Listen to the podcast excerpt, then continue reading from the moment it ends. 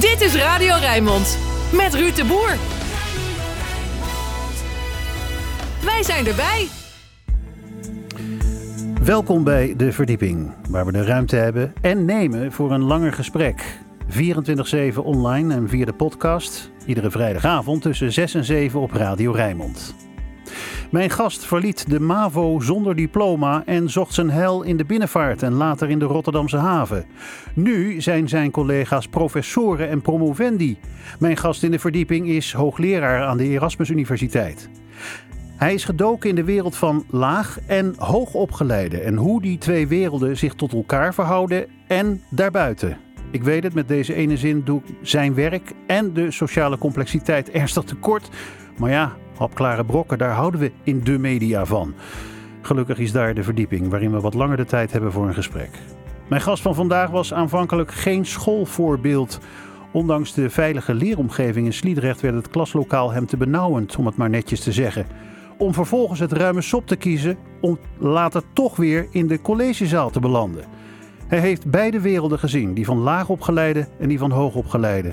Zijn deze werelden te verenigen? En hoe kijkt hij naar de maatschappelijke ontwikkelingen van de laatste tijd? De gast in de verdieping, Jeroen van der Waal, welkom. Goedemiddag. Goedenavond, of goedemorgen inderdaad. Ja, het is een 24-7 programma.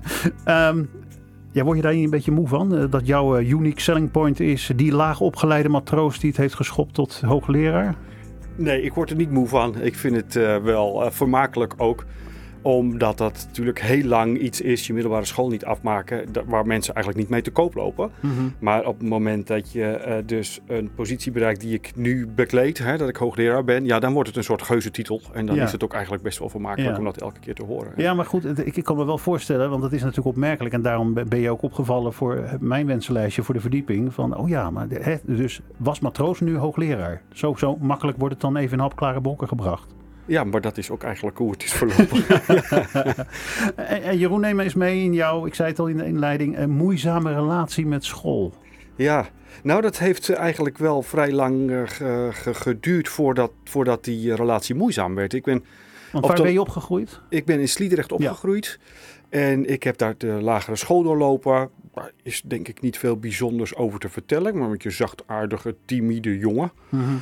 uh, die wel goed kon leren. Um, en uh, daarna ben ik dus naar uh, MAVO gegaan, ook in Sliedrecht. En ja. de eerste twee jaar, twee jaar daarvan heb Je ik moeder ook... wilde dat, hè, geloof ik? Die wilde jou in een soort veilige leeromgeving laten opgroeien? Ja, het, het idee, ik heb het daar nog wel eens met haar over gehad. Ze zegt, ja, je was ook nog wel heel erg kinderlijk. en en de, de, de, de, dus HAVO en VWO is een paar gemeenten verderop. En in de Sliedrecht waar wij woonden was er een MAVO. Twee MAVO's waren daar. Ja. En, um, en het idee was, zoals het toen werkte bij mijn beste weten... als je je MAVO afmaakt kun je daarna een jaar HAVO en daarna een jaar VWO. En heb je eigenlijk, of, of twee jaar of zo, dan mm -hmm. doe je er in totaal volgens mij één jaar langer over. Ja. Om eventueel een VWO-diploma te ja, halen als je route, dat zou willen. Prima ja. route, ja. ja. ja. Alleen uh, dat ging niet helemaal zoals gepland. Nee, nee. nou ja, de eerste twee jaar verliep ik eigenlijk daar ook zonder problemen. Ik, ik kan me ook wel herinneren dat ik het wel naar mijn zin had. Sommige dingen ik kan me herinneren dat Frans was bijvoorbeeld niet echt iets wat ik makkelijk onder de knie kreeg. Maar dingen als wiskunde en zo, dat, ja, dat ging eigenlijk wel vrij, dat ging me, goed, dat ging me goed af. Dus ja. ik ging met, ook met goede cijfers uh, van de eerste naar de tweede en van de tweede naar de derde. En in de derde klas, dat was klas 3b, weet ik nog heel goed. Wat er toen gebeurde, uh, vanaf het eerste moment uh, bij mijn beste weten, dus ook echt gewoon het eerste lesuur van het nieuwe, uh, ik wilde zeggen academisch jaar, het nieuwe lesjaar. Nee, nee, daar ja? komen we straks ja, op. Ja, het nieuwe lesjaar. Ja, daar zat ik met een groep leerlingen ja, die hun kont tegen de krip gooiden op een, op een manier dat het een aard had. Dat ging daar dat ging behoorlijk tekeer. Er werd gescholden tegen de docent. Er werd met dingen gegooid. En dus niet uh, als een docent niet kijkt een, een gummetje gooien. Nee, gewoon iemand, een docent aankijken en dan gewoon iets hard naar hem toe gooien. Mm-hmm. dat, soort, dat soort gedrag. En uh, ja, ja, nu zou je zeggen ongepast puberaal gedrag. Maar dat heeft mij ongelooflijk gegrepen toen, ja, weet ik wel. Ja. Ik, ik dacht, dit, dit, dit is gaaf. Ja, ik je wilde daar, erbij, jij wilde erbij horen tegen dat, dat rebellerende... Uh, dat rebellerende. Ik ja. heb dat toen uh, volledig omarmd. Ja. Uh, en uh, ja, dat, dat, uh, Maar vind je, dat, vind je dat achteraf niet wonderlijk dat puur door dat gegeven, want voor hetzelfde geld was je in 3B terechtgekomen met gewoon een redelijk rustige klas, dan had het er misschien helemaal anders uitgezien voor je. Ja, het kan verkeren. Hè? En ik vind het ook, dat wil ik wel benadrukken. Uh, dit moet wat mij betreft ook niet geïnterpreteerd worden als zijnde, ik geef andere mensen de schuld dat ik ontspoord ben. Want ik, uh, ik was natuurlijk inmiddels ook al uh, 14. ja. Ik bedoel, uh, weliswaar nog een kind, maar goed, ook, uh, je hebt natuurlijk ook wel zelf uh, verantwoordelijkheden. En dat dat, ja, het, het, het greep me gewoon. Het was zo afwijkend, maar het was ook zo. Hoe druk je dat nu goed uit? Het, dat het je pakt, bijna een soort ja. fysieke ervaring. Net als met een concert of zo. Ja, dat is gaaf, hè? En, en ja. Ik kan me wel voorstellen dat jouw moeder, die, die jou hè, in een veilige omgeving een opleiding wilde laten genieten, de MAVO in dit geval, dat, dat die daar heel gefrustreerd tegenaan heeft zitten kijken. Ja, dat is natuurlijk voor ouders is dat heel frustrerend. Ja, want ja. elke ouder op, ja, vindt het belangrijk dat uh, kinderen het onderwijs door, doorlopen en mm -hmm. daar hun best doen. En, en er, ja, uh, dus, dus ja, dat, daar was op dat moment natuurlijk geen sprake van. En het was ook wel heel radicaal. Ik moet ook zeggen, het is wel zo dat als ik iets doe, dan doe ik het goed. Dat geldt eigenlijk wel voor alles. Dus er werd ik gewoon echt helemaal niet meer geleerd. En het was nee. uh, ook tegen elkaar opbieden in, in, in wangedrag. En, ja, uh, het was eigenlijk de, de beloning. Normaal is een beloning een hoog cijfer. Maar de beloning in jouw geval was dat jij door juist zo min mogelijk aan school te doen... dat, dat bracht jou hoger in je status Dat vind ik een heel mooi verwoord. Dat vind ik heel mooi verwoord. Want dat is denk ik wel in het algemeen hoe dat werkt. Hè. Je hebt verschillende soorten statushierarchieën. En een, kla en een klassieker, een bekende is natuurlijk het onderwijs. Ja. Maar inderdaad, in, ook in, in, in, zeker onder jongeren, en sport is er ook zo Ja, een, maar ja. onder jongeren natuurlijk ook, ja, uh, wangedrag of, Ja. of wie er het mooiste is of wie er het beste kan dansen in de discotheek of noem maar wat. Maar dus ook in sommige kringen, zeker als je, juist, dat- ja, als je puber bent en, en, en net wat ouder, ja, als je, als je op school eh, grote mond op, opzet tegen een docent of, of, of ja, onoorbaar ged- gedrag vertoont, ja, dan, zijn er is er in, in, in, in, in een specifieke eh, groep eh, leerlingen is dan natuurlijk sprake van eh, ja, dat dat. Ja. Dat, Maar je is had, het, je had het net over kringen. Ik ben wel benieuwd uit, wat voor nest jij eigenlijk komt. Ja, mijn, eh, mijn ouders zijn gescheiden eh, toen ik vijf was. Mhm. Ehm, dus ik weet niet of nauwelijks nog iets van dat mijn vader nog bij ons thuis woonde. Mijn moeder is eh, heel jong moeder geworden. Ik heb een vier jaar oudere zus. Eh, zij was eh, ziekenverzorger bij ons, in, eh, bij ons in Sliedrecht in het ziekenhuis. Mhm. Mijn vader heeft, eh, eh, is gaan varen, ook op zijn, zijn zestiende, ehm, net als ik, eh, zonder middelbare schooldiploma. En is daarna nog een tijd gaan baggeren. Natuurlijk Sliedrecht natuurlijk bagger, bagger. Ja, en en eh, daarna is zij eh, eh, onder- andere lasser geworden op een scheepswerf. ja. En verder van de familie moet je je voorstellen, ja, met name arbeidersberoepen. Dus vrachtwagenchauffeur, tegelzetter, Dus als we nu toch schilder. bezig zijn met labels plakken, is het dan de groep laag opgeleid? Ja, absoluut. Of, nou ja, je moet eigenlijk tegenwoordig zeggen t- eh, eh, praktijk opgeleid? Of- Ja, ik, ik, begrijp, ik begrijp heel goed en ik ondersteun het ook van harte. En ik wil er zelf ook mijn best voor doen om daar een beter, minder stigmatiserend label Nou ja, voor het te woord vinden. laag zegt al iets Ja. negatiefs, hè? Maar praktisch dan denk ik, ja, ik vind dat mijn, mijn opleiding tot onderzoeker is ook heel praktisch. Ja. Ik zou zeggen, filosofen en theoretische fysici zijn misschien theoretisch geschoold, maar de rest vind ik eigenlijk wel praktisch geschoold. Ja, ja, ja. Maar ja. kunnen we misschien later over hebben, Ja, weet ik niet. nee, Dus ik vind, de label, ik vind de labels ook ongelukkig. En een beter label zou ik ook... eh, Nou ja, jij Ja. bent socioloog. En Ja. eh, ik heb eh, ja, ooit een verloren jaartje op de school van journalistiek sociologie gehad. En daar werd altijd gezegd, ja, het, het heeft ook te maken met dat mensen dingen willen rubriceren of in hokjes willen stoppen. Of labels willen plakken, omdat ons brein nou eenmaal zo werkt. Ja, eh, n- ons brein werkt vooral in de psychologie waar ze zich mee, bij bezighouden. Maar dat wordt deels natuurlijk ook wel sociaal bepaald, zou Ja. ik zeggen. Ja. En die categoriseringen, ik denk dat je helemaal gelijk hebt. Nee, laat het dus omdraaien. Stel je nou voor dat je alle categorieën loslaat. Dan word je Mhm. volgens mij knettergek. ja. Dan kom je je Ja. voordeur niet meer uit. Want dan moet je Nee, dus categoriseren is wel degelijk. Dat nee, heb maar je nodig omdat je door natuurlijk sociale leven te de kunnen laatste stappen. tijd in het publieke debat heel, heel erg hoort van we moeten uit die hokjes en Ja. we moeten. Ehm, eh, we, moeten, we moeten gewoon niet meer in. in eh, nou ja, je hebt het natuurlijk bij de politie ook met etnisch profileren. Ja. En, dat soort. Al die discussies van, Ja. van daar moeten we vanaf. Ja. Tegelijkertijd eh, is het brein blijkbaar zo ingericht dat je wel een schifting moet doen, omdat je anders knettergek wordt. Ja, dat zou ik wel zeggen. Maar tegelijkertijd ontslaat je dat natuurlijk niet van, uh, van de plicht. Dat klinkt een beetje zwaar dramatisch. Maar om, om sensitief te zijn voor Mhm. allerlei processen van uitsluiting, stigmatisering, stereotypering. Ja. Hè, daar zijn we allemaal in meer of mindere mate toe geneigd. Laat onderzoek ook zien. Maar dat neemt, niet, dat neemt niet weg dat het in sommige gevallen, je hebt het net over etnisch profileren. Mhm. Je zou maar een donkere jongen zijn. Nee, hè, het, die- het is ook een extreem voorbeeld dat ik ja. geef. Alleen, ik, ik probeer ook alleen maar te begrijpen hoe dicht, hoe gevaarlijk dicht dat tegen elkaar aan ligt. Dat je enerzijds dus wel moet categoriseren, anders word je gek. En anderzijds in de valkuil loopt dat je te veel categoriseert en dat je dus mensen daarmee uitsluit. Ja, ik zou zeggen ehm, dat het vooral belangrijk is dat mensen die in eh, groot woord, maar ik ga het uiteraard uitleggen, eh, formele instituties, of het nou het onderwijs is, de politiek, eh, de rechtspraak, hè, waar je bedachtzame beslissingen moet maken. Eh, ehm, dat je daar, maar ik denk ook in de private sector op het moment dat Mhm. je mensen aanneemt, hè, of dat je, Ja. dat je de cv schift, hè, dat je daar op dat soort momenten zeker sensitief voor moet Ja, zijn. ja. Absoluut, maar dat neemt niet weg dat op het moment dat jij snel de, de metrobuis inrent, dat je op dat moment inschattingen maakt die het mogelijk maken om toch nog met Ja. die metro in, te, in, ja. te, in, in, te, in, te, in te springen. Ja.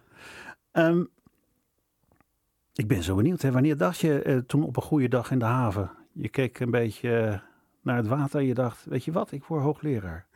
nee, zo is het zeker niet, zo is het zeker niet gegaan. Nee. Het is heel anders gelopen. Het is eigenlijk heel weinig planmatig verlopen. Want Mhm. wat is er gebeurd? Ik, ik, ik ging dus op mijn... Nou, nou, ik ben die MAVO, nou ja, van die MAVO waar we het net over hadden, klas 3B, ben ik afgestuurd. Hè? Want Ja. ja. ja, dat waangedrag wordt niet getolereerd en terecht. Dan was er nog een MAVO, de openbare MAVO, de Erasmus MAVO. De directeur eh, die was zo goed om mij toe te laten, maar sprak mij vermanend toe dat mijn gedrag natuurlijk wel moest veranderen. Mhm. En dat hij anders natuurlijk ook geen andere keuze had dan mij eh, ook eh, ja, dat, mijn weg te sturen. Ja. En de- nou ja, ik heb mijn gedrag absoluut niet veranderd. Dus ik werd daar na een jaar ook op de, duidelijk op gewezen van ja, dit was niet de afspraak zoals je je hebt gedragen. En ja, we moeten ook afscheid van je nemen. En dat was rond mijn, zin- ik ben junijarig. Dus dat is natuurlijk een beetje het einde van het schooljaar. Mhm. Dat, dat begon ik net, ja, werd ik 16. Ja. En eh, ja, wat nu? Ja, werken dan maar. Ja, en voor een jongen van 16 in de regio waar ik vandaan kom, de streek, ja, zijn er denk ik drie opties. Dat is stratenmaker. Ja. Dat is in de baggeren, toen nog. Ja, ik denk inmiddels ja. dat het niet meer zo makkelijk is zo, voor mensen zonder onderwijs. Maar dat is wel vaak via families en zo. Mhm, hè. Als je vader mhm. daar werkt, dan gingen ze bijna allemaal mannen. Hè, zeker Ja, toen nog. Hè, dan maak je zo misschien ook wel een kans. En, eh, en de binnenvaart. Ja. En eh, ja, ik ben dus op de binnenvaart beland. Ja. Vanaf mijn zestiende. Dat heb ik met plezier gedaan, overigens. Ehm, op een rederij die heette toen, misschien nog steeds, Gebroedersbroeren. Dat viel toen onder Pakhoed. Dat werd Mhm. later nog, die kreeg wel lesje Rotterdamse industriële ge- geschiedenis. Ja, ja. werd Fopak, dat was Oh van, ja, ja, Ommeren, van Ommeren en Pakhoed ging samen. ja, ja, ja, ja. En ehm, daar heb ik dus tien jaar, tot mijn vijftigste heb ik gevaren. Het waren chemicaliëntankers. En dan voer je week op, week af, op woensdag. Mhm. Hè, het hele jaar door, woensdag naar boord, woensdag van boord. En eh daar ben ik nog een jaar tussenuit geweest voor mijn dienstplicht. Ik was de laatste lichting. Ja. Eh, toen ben ik bij de marine eh, beland. Want nadat ik werd goedgekeurd voor, dat heet dan voor je nummer. Hè, Mhm. Voor mijn nummer werd goedgekeurd. Daar- En ik had gehoord van mensen, van vrienden. Van joh, als je wordt eh, goedgekeurd en je komt bij de landmacht en je bent dienstplichtig. Dan moet je een beetje vrachtwagens wassen en frisdrink, frisdrankautomaten vullen. En dat is dus een ja, weinig wenkend perspectief. Mhm. En ik voel toen al twee jaar. Ja. Ik dacht, ja, dan wil ik bij de marine zien Ja, komen. ja. En dan moet je een additionele keuring aanvragen. Dat duurt twee dagen. Kattendijk, dat is in Amsterdam, vlakbij het station. En dat is een soort afvalrace. Je hebt heel, heel veel tests. En eh, zodra je één test niet doorstaat, dan mag je weg. Dus Mhm. je begint dan met 200 eh, jonge mensen en dat worden er steeds minder. Nou, daar ben ik doorheen gekomen. En eh, toen werd er vervolgens gesproken, ja, wat wil je dan gaan doen? Nou, er was er iemand zonder formeel onderwijs. Hè. Ik had natuurlijk geen middelbaar schooldiploma. Maar er waren twee opties bij de marine als dienstplichtige. Volgens mij heet het operationele dienst. Mhm. De meeste dienstplichtige operationele dienst, die zijn de frisdrankautomaten aan het bijvullen Ja, ja, op de, En, en dat soort dingen. En, we en er is een functie, er is één functie bij de marine die louter bestaat op de schepen. De wasser. Ja. Dus in de wasserij. Ja, Want ja. als een schip in de haven ligt, een marineschip, dan wordt de was gebracht naar een wasserij op, op, op de wal. Ja. Dus zeg ja, maak mij dan maar wasser. Uh, Ja. Dus ik ben toen ook nog op de Witte de Wit, dat is een fregat, ben ik wasser geweest. In die periode ook nog uitgezonden geweest naar Joegoslavië. Mhm. voor het Joegoslavië-conflict. ehm, patrouilleerden wij in de Adriatische Zee om ervoor te zorgen dat er geen eh, brandstof en wapens naar het conflict werden gebracht. ja. Maar goed, dat, dat was een intermezzo van negen maanden en toen weer terug naar diezelfde rederij. Ja. Heb met plezier gevaren. En op heel veel verschillende schepen daar gevaren. Er waren 15 eh, tankers. En, Maar ja, ehm, dan zou je zeggen, als ik dit, want je zit erbij, ik bedoel, eh, mijn mentale scherm is al eh, volledig geprikkeld. Ik, ik, ik zie al een heel avontuur. Dan zou je zeggen, nou, dit is, je zit helemaal op je plek. Ik had het daar ook goed naar mijn zin, maar ik weet wel, dat was ook wel een... een, een, een Maar hoe echt- kom je, hoe kom je, dan, hoe kom je dan weer, hoe kom je dan in het gebouw van de Erasmus Universiteit Ja, het is een paar stappen, we komen er wel. Maar wat ja, maar gebeurt we hebben maar 40, Ja, 45 wat gebeurt? Dan ga ik, ga ik, het, ga ik het puntiger proberen te verwoorden. Ik, ik kwam op een schip en, en, en ik weet nog, hij heette Jaap Aandewiel, een leuke vent uit Katwijk. Ehm, Ja. En die zag dat ik een boek las van Alistair MacLean, zo'n zo'n stoere mannenboek, zo'n jongensboek over marineschepen en zo. Mhm. En hij zei toen tegen mij, joh, moet jij niet eens een keer wat anders proberen? En hij raadde mij toen Advocaat van de Hanen aan, van eh, Van der Heijden. Dat is een, een boek uit zo'n cyclus, De Tandeloze Tijd. Ja, Dat heb ik toen ik op woensdag thuis kwam, weet ik nog, ben ik naar de boekenzaak in Sliedrecht gelopen. Daar heb ik dat boek gekocht. En ik ben dat boek gaan lezen en dat heeft me ongelooflijk gegrepen. En ik benadruk eigenlijk dit, eh, eh, deze anekdote, omdat dat, dat heeft mij toen in een soort interesse in literatuur gewekt. En zo ben ik dus met Nederlands, eh, Nederlandse literatuur gaan. Heel hap snappen, hè? want ik heb daar natuurlijk weinig vorming in. Dus, Ja. dus wat je daar, daarin leest, ja, dat begreep ik gewoon ook Reven en zo'n soort, soort wilde ontdekkingstocht. Ja, ja. Ja. Daar ben ik echt door gegrepen.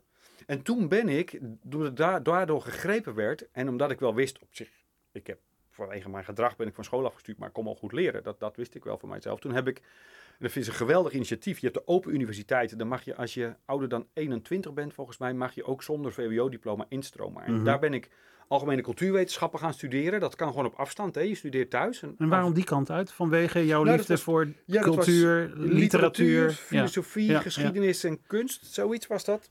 Dat is voor jou een ontdekking. Dat was een ontdekking en ik heb daar, eh, ik vond dat geweldig. Ehm, ik, ja, dat ging ook goed, gelijk eh, hele goede cijfers ook. En dat heeft mij aan het denken gezet toen van, joh, kijk, een, een, een, een socioloog zou zeggen, Open, Universiteit heeft een soort bastaard, het klinkt heel negatief, zo bedoel ik niet, bastaard-institutie karakter. Hè? Van, het is niet een e- echte, dat zeg ik niet, hè? het is niet een echte universiteit. Nee, nee, Dat is er natuurlijk gewoon wel. En, eh, ehm, en toen dacht ik, dat wil ik eigenlijk wel gaan doen. Ik wil gaan studeren op een, tussen aanhalingstekens, ik zit radio, hè, Ja. eh, echte universiteit. Ja. Ja, dan moet je op de wal werken. Ja. En, dan moet je, en eh, dus toen ben ik gaan solliciteren binnen, binnen, die, eh, binnen dat bedrijf. Hè, dat was toen dus Vopak. En toen kon ik een plek krijgen bij een destilleerderij ehm, eh, in de Botlek. Dan heb je een hele grote opslag, dat was ook van Vopak. En dan had je een destilleerderijtje op de PIT, heet dat, PID. En dat, heel veel Rotterdammers kennen dat bedrijf, want het is later eh, Otfiel geworden. Mhm. En Otfiel is natuurlijk heel vaak negatief in het nieuws Eh, gekomen. daar door heeft ook Rijmond een bijdrage aan geleverd. Ja, Ja. ja, ja. En, eh, en dus, dus toen ik op de vijf ploegendienst ging werken daar in de Rotterdamse haven, ja, toen kon ik dus ook gaan studeren Ja. aan de Erasmus. En ik had inmiddels van die algemene cultuurwetenschappen van de Open Universiteit, dat ik een derde afgerond, maar er valt dan je propadeuse onder. En met een propadeuse van een universitaire studie kun je instromen op andere universitaire Mhm. studies. Ja. En zo ben ik dus uh, Maar zo is de, de, de deur open gegaan. Ja, Ja. ja, ja, Eh, Jeroen, je hebt eh, muziek meegenomen. ja. Eh, dat wil ik, eh, je- je- ik wil het zo meteen uitgebreid hebben ook over je onderzoek hè, naar de, de, de, de belevingsverschillen tussen, tussen eh, laag en hoog opgeleide. Eh, maar je hebt muziek meegenomen, onder meer van de Doors. Laten we daar eerst even naar luisteren.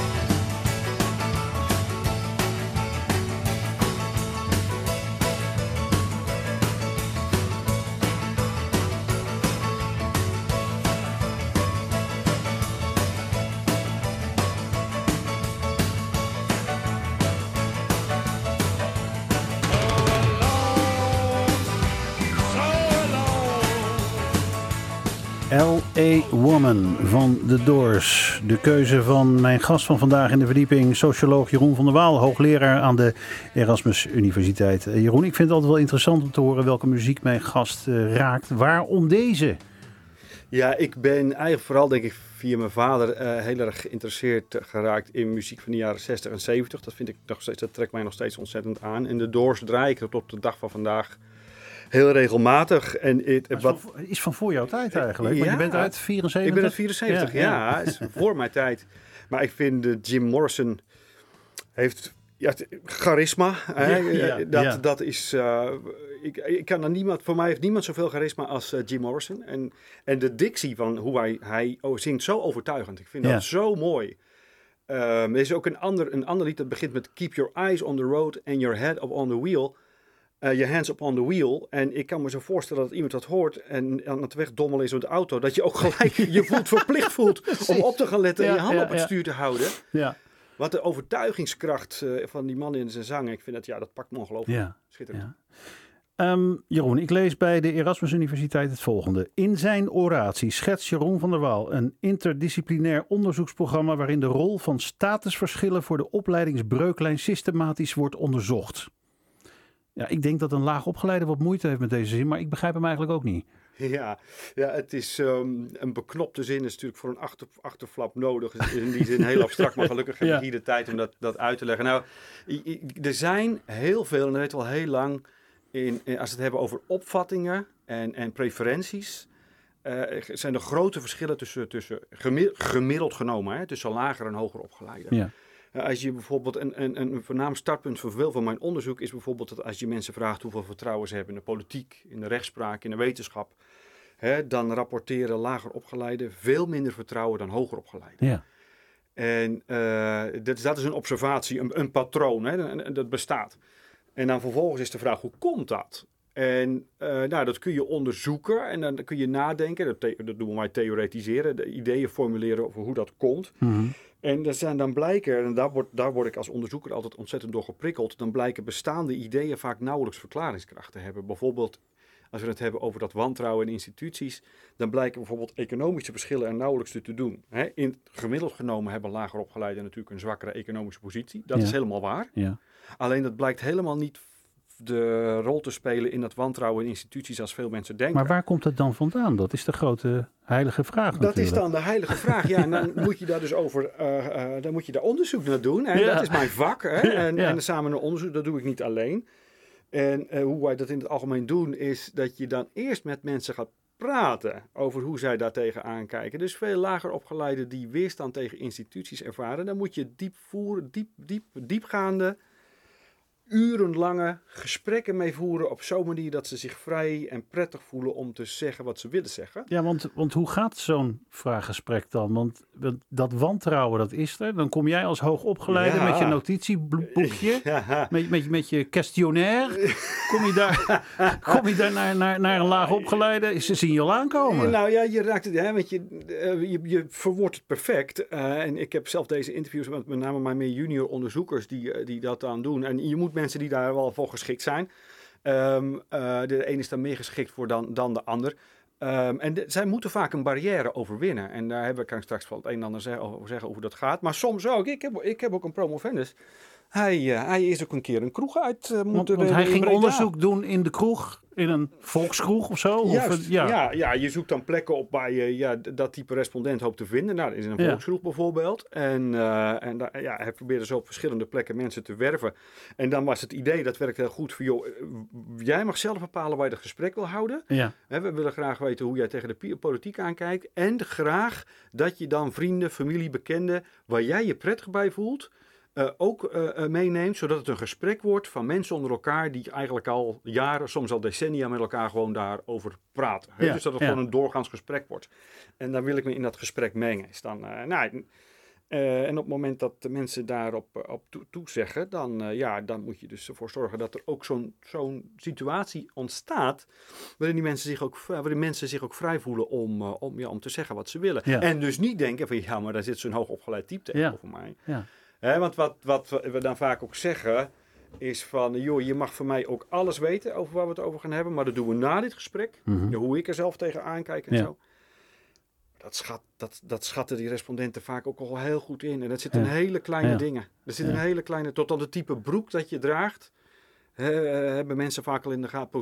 Ja, waar we het net over hadden, hè, die hokjes, hè, Ja. die categorieën. Ja, ja. Hebben mensen vaak al een idee van, oh, dat is ongeveer zo'n type. Ja, want ik, hoor, ik hoorde inderdaad het voorbeeld van, van laagopgeleiden die dan met enige wantrouwen naar de politiek kijken. Omdat het ook allemaal mensen zijn met een eh, net pak aan. En, en, en dan is daar eentje.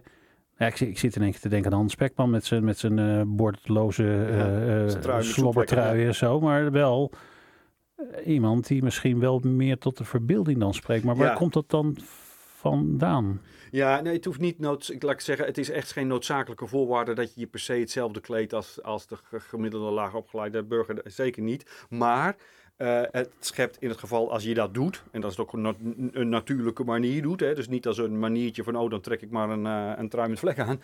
Ehm, of heeft het, eh, dat, dat, dat, dat, dat dat in ieder geval wel minder een soort afstand eh, voor veel mensen eh, in de sier aangeeft. Hè, want de vraag hier was natuurlijk, wat is, het, wat is het dan wel waarom lager opgeleiden vaak minder vertrouwen hebben in die instituties? Ja, dan zit er toch in die, in die ja, institutionele professionals, gebruik ik vaak, dus politiek politici, maar de, rechters in de, in, de, in de rechtspraak, de oude hoogleraren of onderzoekers in de wetenschap, enzovoort.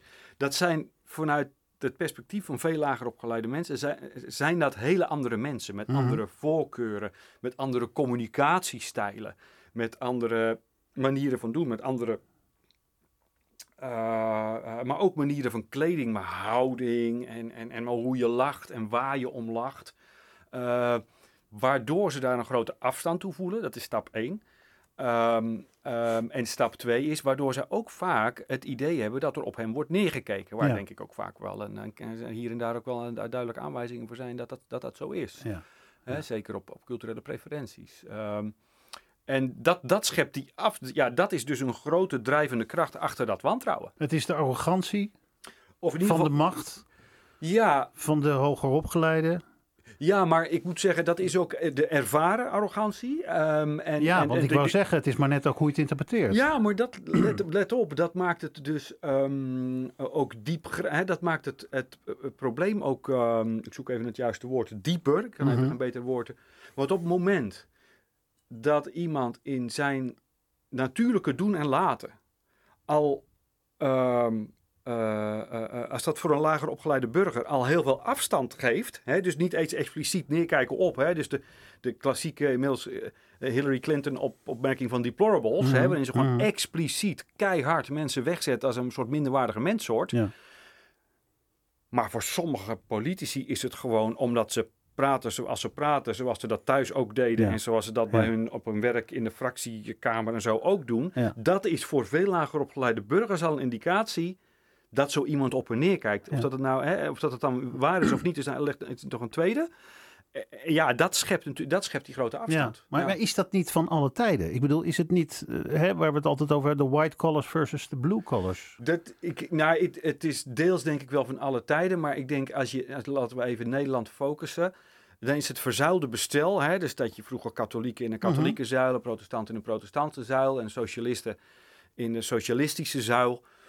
Daar had je natuurlijk voorlieden, de elites. Ja. Die hadden in ieder geval qua ideeën en, en voorkeuren, en, en ook in zeker morele zin in het geval van die religieuze zuilen, hadden die grote overeenkomsten met die arbeiders, laat ik Mhm. het zo zeggen. Maar dat, is die, dat verzuilde bestel is weg. Ja. En nu, wat het, de, in ieder geval eh, de, ja, middenpartijen of establishmentpartijen, dat is gewoon de, de belevingswereld van Maar hoogopgeleide dat, burgers. is, is dat inderdaad door het wegvallen van die verzuiling, zijn dan die, zijn dan die verschillen of die, die tegenstellingen tussen hoog en laag opgeleide dan alleen maar duidelijker geworden? Ze zijn, eh, ze zijn duidelijker geworden, maar de vraagstukken waar het ook steeds meer om draait, dus culturele diversiteit, en denk ook Europese Unie, dat is, zijn precies de vraagstukken waar, waar hoger en lager opgeleiden al sinds jaar en dag zoveel van Ja. elkaar verschillen. Ja, ja. In, in hoeverre is dit eigenlijk een probleem? Nou, als je het hebt over ehm, ehm, de politiek, laat ik me daar even toe beperken, of het onderwijs kunnen we straks ook over hebben. ehm, dan betekent dit. Kijk, in de politiek is het zo. Veel mensen vinden dat, dat iedereen daar goed in gerepresenteerd moet worden. Ja. ja, dat werkt op deze manier dus niet. Waarom? Omdat veel lager opgeleiden, lager opgeleiden vanwege waar we het zojuist over hebben, zich van de politiek afkeren. Ja, En eh, dus dat kan gewoon voorkomen dat mensen niet gaan stemmen, dat ze niet Nee, willen maar dat is, dan, participeren. dat is dan een vliegwiel-effect. Want naarmate je niet meer stemt, Ja. je steeds meer verwijderd van de Ja. politiek. En Ja. tegelijkertijd diezelfde politiek beticht van arrogantie. Ja, ja, dus die, ja, dus de stem, die stem, en dat is ook een stem, en sterker nog, in een- ons politieke bestel, Mhm. een even legitieme stem. Hè, die wordt dan minder gehoord in het politieke domein. En in het onderwijs is het ook zo dat, ja, dat veel ja, arbeiders, kinderen van lager opgeleide ouders, dus ook gewoon veel minder voeling en affiniteit hebben met de docenten en de manieren van doen op die school. Waardoor ze door die docenten vaak worden ondergewaardeerd, letterlijk.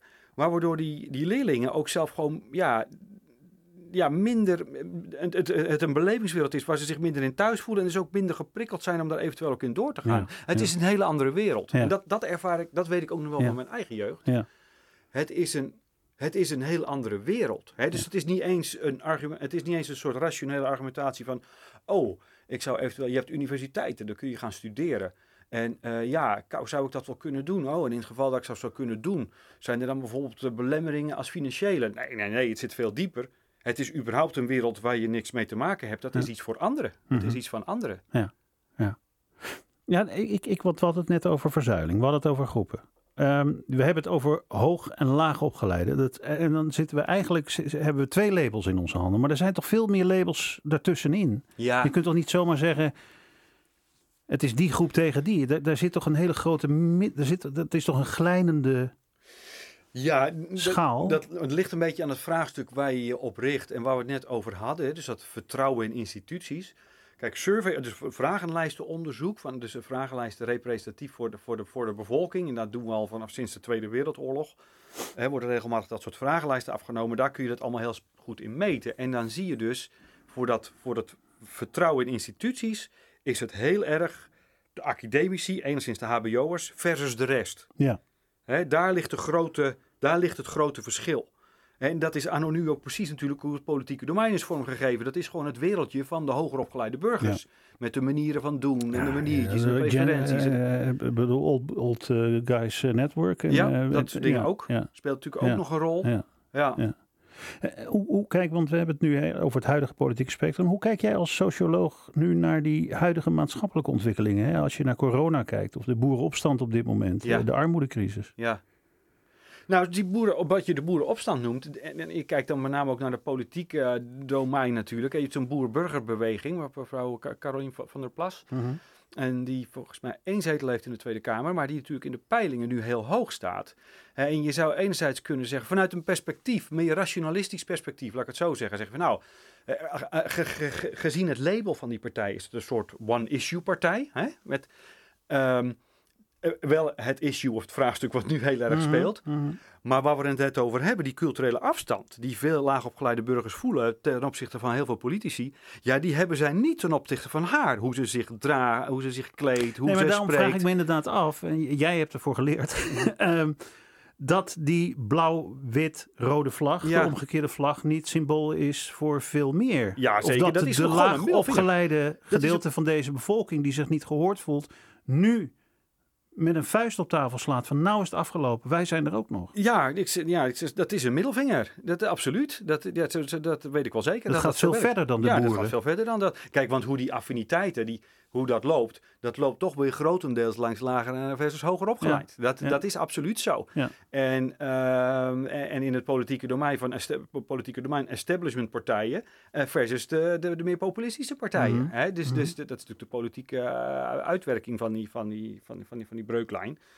Ehm, dus ja, daar, daar, daar hangt absoluut meer aan. eh, dat, dat, dat moet niet, nou, het moet niet worden gezien als een, een op zichzelf staand vraagstuk. Ja, in die zin, Dit is niet jouw eerste interview dat je geeft. Ik bedoel, jij, eh, nou, ik zei het net al een beetje, beetje, beetje flauw, maar jij hebt ervoor doorgeleerd. Ik bedoel, ze zijn toch niet helemaal achterlijk in Den Haag? Oftewel, wat zou de politiek moeten doen?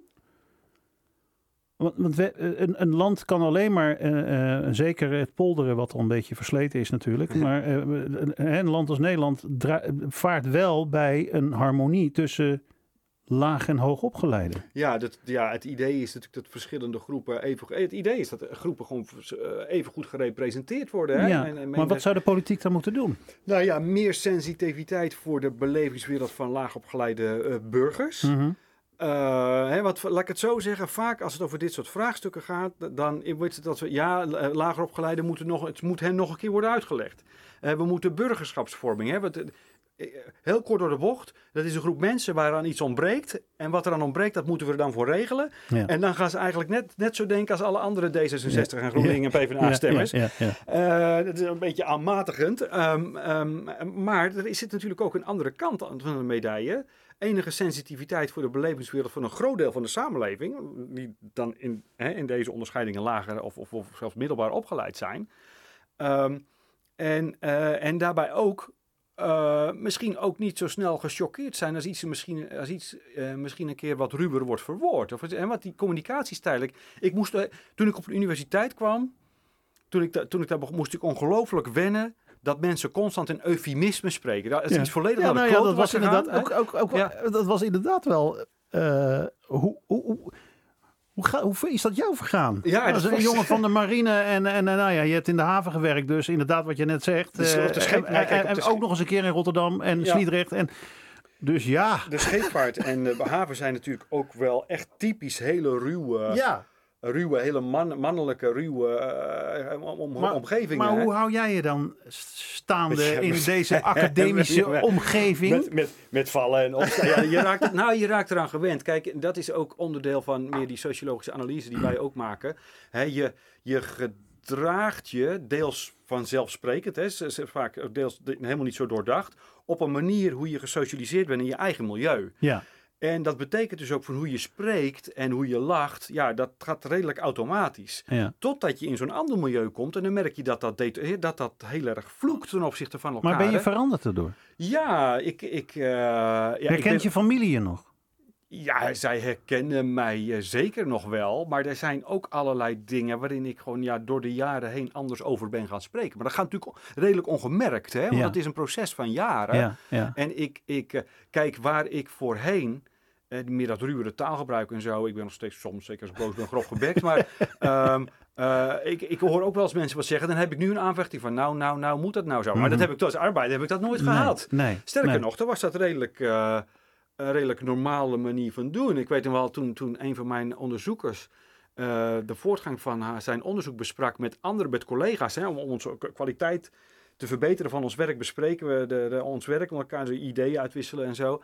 En dat waren mensen die dus ook gestudeerd hadden, ook sociale wetenschappen. En die waren gechoqueerd, letterlijk gechoqueerd, van wat veel eh, respondenten hadden gezegd over politici. Dus er kwamen dingen als, maar zeggen ze dit nou echt? Mhm. Maar menen ze dit nou echt? En zij waren dus gechoqueerd van, eh, van wat die respondenten zeiden. En ik was gechoqueerd dat mensen een sociaal-wetenschappelijke opleiding hebben afgerond. En dus niet weten dat een groot deel van de Nederlanders op zo'n manier over Ja. politici spreken. Ja. Daar was ik door gechoqueerd. En eh, Maar is dat inderdaad, eh, ignorance is, is, eh, is, is bliss? Eh, oftewel, he- heeft het ook veel te, heeft het heel veel met onwetendheid dan te maken?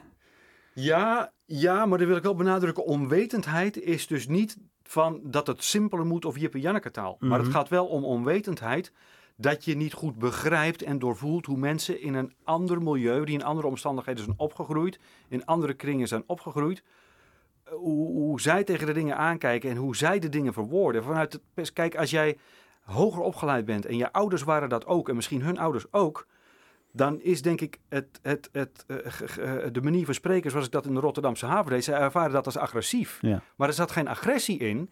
Ja, dat is wat minder gepolijst. Mhm. Dan zeg je gewoon heel lul tegen elkaar, maar dat is vriendschappelijk bedoeld. Ja. Hè? Ik bedoel, dat is niet een, een afkeuring van iemand. En, en, maar dat moet je dus wel een beetje doorvoelen. Want anders denk je van, wat, wordt, wat gebeurt hier? Ja. Kijk, als het moment dat, dat Rutte zegt van... ja, maar mensen die als stokjes achter in de zaal gaan staan gillen... ja, daar luisteren we niet naar. Dan denk ik, ja, maar je kunt ook denken... als mensen zo boos zijn, is het een eerste indicatie... dat er misschien iets aan de hand is waar we naar elkaar moeten gaan luisteren. Ik Ja. zeg niet dat je mensen gelijk moet geven, dat is wat anders. Je kunt toch nog steeds van mening verschillen. Ja. Maar als niet wat je zegt of wat je aankaart... Maar de manier waarop je het zegt, als je op basis daarvan al zegt van ja, dan doen sommigen maar niet mee in het politieke domein. Ja, dan hebben we hier denk ik wel te pakken waar we het over hebben. Ja, hè? ja. Ja. Eh, dat is de rol van de politici. Eh, eh, ik, ik heb begrepen dat jij weinig tijd hebt om media tot je te nemen, want je hebt twee kleine kinderen. Ja, je bent een heel druk baasje. ja. Maar welke rol, Jeroen, zouden de media hierin kunnen hebben?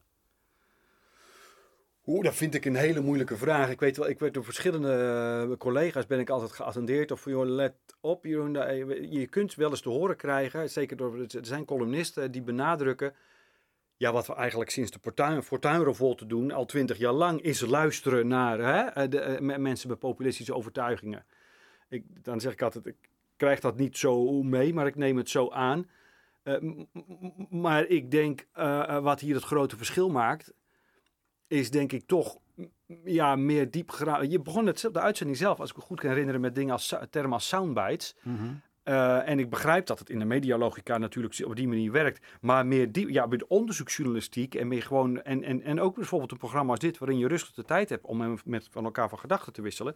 Helpt natuurlijk wel om dat wat subtielere verhaal. Of niet per se subtieler, maar gewoon om- om de beweegredenen van mensen en hun overwegingen goed in, in, in, in kaart te brengen, daarover te, over, over na te denken. Er Ja. zijn wel wat journalistieke programma's waar dat gedaan wordt, maar het is natuurlijk wel een minderheid. En het zijn vaak ook nog programma's die niet heel erg goed bekeken worden. Mhm. Ik, vind- dat, wil ik, dat wil ik nog eh, eh, delen op dit vlak.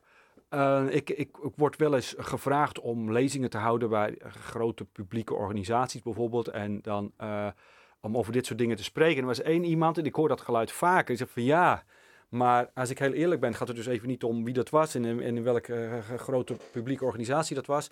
Als ik heel eerlijk ben, ja, dan vind ik bijvoorbeeld eh, mensen die PVV stemmen en zo, ja, daar heb ik ook een afkeer van. Ze zegt, maar ja, mijn moeder doet het ook. En met mijn moeder heb ik altijd wel nog gewoon een gesprek aan de, aan de keukentafel. Oftewel, er zitten ook normale mensen bij de PVV. Ja, natuurlijk. Er Ja. zitten overal normale mensen. Ja, ja. En die kunnen soms ideeën hebben waar je echt je reserves bij hebt. Maar dat Mhm. maakt iemand nog, geen, eh, nog niet onmenselijk. Helemaal niet. Nee. Het, zijn helemaal, het is allemaal heel menselijk volgens mij juist. Ja. Dat maakt het voor mij ook interessant als onderzoeker. Dat is makkelijk spreken als onderzoeker misschien. Maar hè, ga maar na. Als je, bij je naaste vind je, zie je die medemenselijkheid wel. Ondanks ze misschien opvattingen hebben waar je gewoon helemaal niks mee hebt. Mhm. En Maar is dat er misschien de truc dan? Om te kijken in je naaste omgeving, bij mensen van wie je houdt. Van, oh, wacht eens even. Dat kan dus betekenen dat er meer mensen zijn die wel redelijk kunnen zijn. Ondanks dat ze kiezen voor een partij waar ik echt de gruwels van heb. Ja, ik, ik zou het zelfs omdraaien. Dat moet dan zo zijn, want iedereen is een kind van iemand. Ja, Iedereen was... Ja. Wat, wat, eh, als we het dan toch even over die twee groepen hebben. Hè? Ja. Ehm, wat, wat, wat zou de laagopgeleide zelf kunnen doen om eh, dat weg tussen de laag en de hoogopgeleide eh, wat kleiner te maken? Die drempel wat kleiner. Wat, zou, wat, wat, wat is de verantwoordelijkheid van de laagopgeleide? Oei, nou, ik, eh, vanwege het proces waar we het over hebben, hè, dus die ervaren culturele afstand, die veel lager opgeleiden eh, voelen tot die, die institutie, tot die institutie, dus ook het politieke domein. Hè, dat heeft grofweg twee reacties. Die ene is meer verzet, hè, dus Ja. nou, waar we het net over hadden, Ja. met die vlaggen onder andere. En anderzijds is dat soort terugtrekken. En dat begrijp je, mensen voelen stigma. We hebben ook mensen geïnterviewd op Rotterdam-Zuid. Waarom doe je niet mee met die burger, burgerschap of burgerinitiatieven? Mhm. Hè, die plat gezegd, is een mooi initiatief in Rotterdam. Als de burgers een idee hebben, krijgen ze van de gemeente het geld om het uit te voeren. Ja. En eh, dan zie je ook daar weer, ja, het verbaast je niks. Hè, lager opgeleiden maken er veel minder gebruik van. En als je dan met mensen erover spreekt, dan zit dat dus ook in die culturele afstand die ze ervaren tot veel ambtenaren. En dan, ja, maar waarom voel je, ja, dan moet je toch anders spreken, zeggen ze dan. Of dan moet je een andere opvoeding hebben genoten. En in het geval van Rotterdam-Zuid zeggen, ja, maar dan, heb je, dan, denken ze, ja, dan heb je haar van Rotterdam-Zuid. hè, Dat Mhm. idee van zo'n zo'n gestigmatiseerde buurt. Ehm, en dat is heel moeilijk voor die mensen om eroverheen te komen. En dus het is niet, on- eh, niet alleen hun eigen verantwoordelijkheid om eruit te... Maar daar ligt natuurlijk wel de sleutel. Als mensen toch geprikkeld kunnen worden om hun stem te laten horen in al dat Ja. van die democratische, eh, democratische ehm, eh, initiatieven.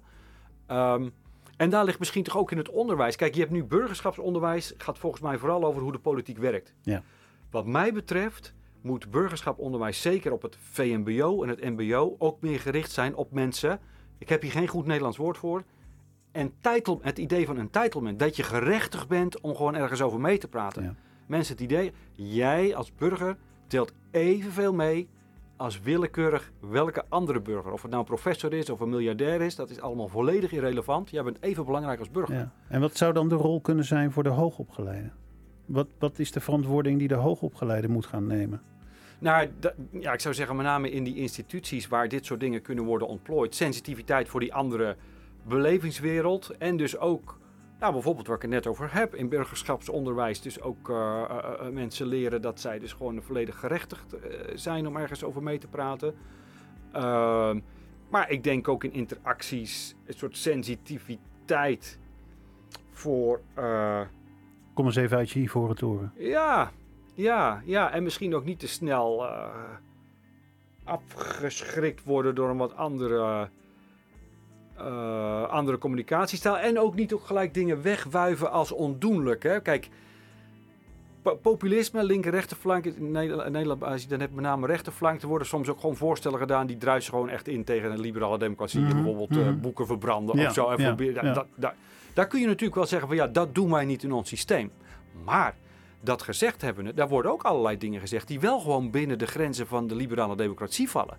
En dat wegwijven als dat kan niet van ja, maar of er is een of ander verdrag. Ja, maar een verdrag is ook mensenwerk. Dat is geen natuurwet. Het is niet, een verdrag is niet iets als de zwaartekracht. Van, van dat is, uh, dat niet uh, onontkoombaar. Nee, ja, je kunt soms ook dingen anderen. En heel lang hebben mensen misschien gedacht: ja, dat is misschien ook niet te doen. Maar sinds corona hebben we geleerd: oh, in één keer kon alles. Toch? Je kon mensen zelfs gewoon tegen ze zeggen: je mag s'avonds niet bij je eigen huis uit. Ik vond het een heel vervelende maatregel, maar het, ik haal het hier aan als zijnde van: er kan dus blijkbaar wel heel veel. Ik zeg niet dat dat moet, hè? Ik zeg niet dat dat moet, maar uh, de preferentie van veel lager opgeleiden, hè, die veel minder uh, in het beleid doordruppelen, dat is gewoon empirie, daar is heel veel hard bewijs voor. Ja. Ja, als je dat allemaal van tafel weg van het is ongepast en het kan niet. Terwijl het soms ook wel gewoon kan. Maar ja, de gemiddelde hoger opgeleide heeft er niks mee, maar dat is wel anders. Hè? Dus daar ligt misschien ook wel wat. Ja. Ik zou zo graag met jou over 20 jaar nog eventjes. Uh, en, en, dan kijken we hoe, eh, wat de stand van zaken dan is. Nou, dan doen we dat. Oké, dan spreken we af in 2042. Is dat goed? dat is prima. Ja. voor nu dank ik je wel voor je komst. Heel graag gedaan. Jeroen van der Waal, socioloog Jeroen van der Waal, hoogleraar verbonden aan de Erasmus Universiteit.